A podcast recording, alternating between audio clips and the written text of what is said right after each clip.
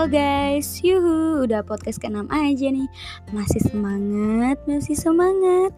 Harus dong, hari ini kita akan membahas tentang pendalaman administrasi penyuluhan. Guys, ada banyak alur penyuluhan loh.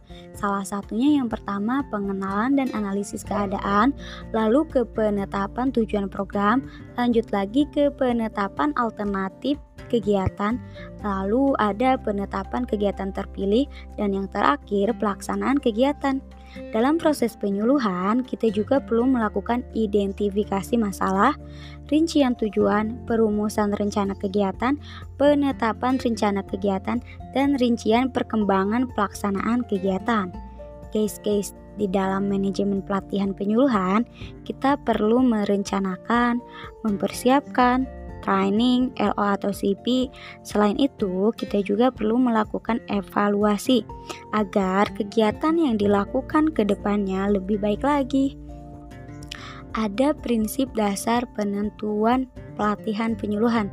Nih guys, tahap yang pertama analisis jabatan pekerjaan, tahap kedua keputusan untuk pelatihan, tahap ketiga penetapan tujuan pelatihan dan prosedur evaluasi formatif, tahap keempat desain pelatihan, tahap kelima implementasi, tahap keenam tindak lanjut dan evaluasi sumatif.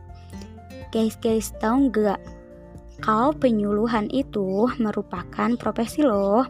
Apa sih yang dimaksud dengan profesi? Profesi merupakan pekerjaan yang menuntut klasifikasi dan kompetensi tertentu sesuai tugas pokoknya. Jadi, tugas agama apa sih, guys? Nah, tugas agama adalah amar ma'ruf nahi munkar atau dakwah. Sedangkan tugas negara adalah melakukan bimbingan dan penyuluhan agama serta konsultasi dan pembangunan melalui bahasa agama. Nah, apa sih syarat utama penyuluhan agama yang profesional? Nih, ada tiga syarat yaitu tahu, mau, dan mampu. Tiga hal ini tidak dapat dipisahkan dalam penyuluhan.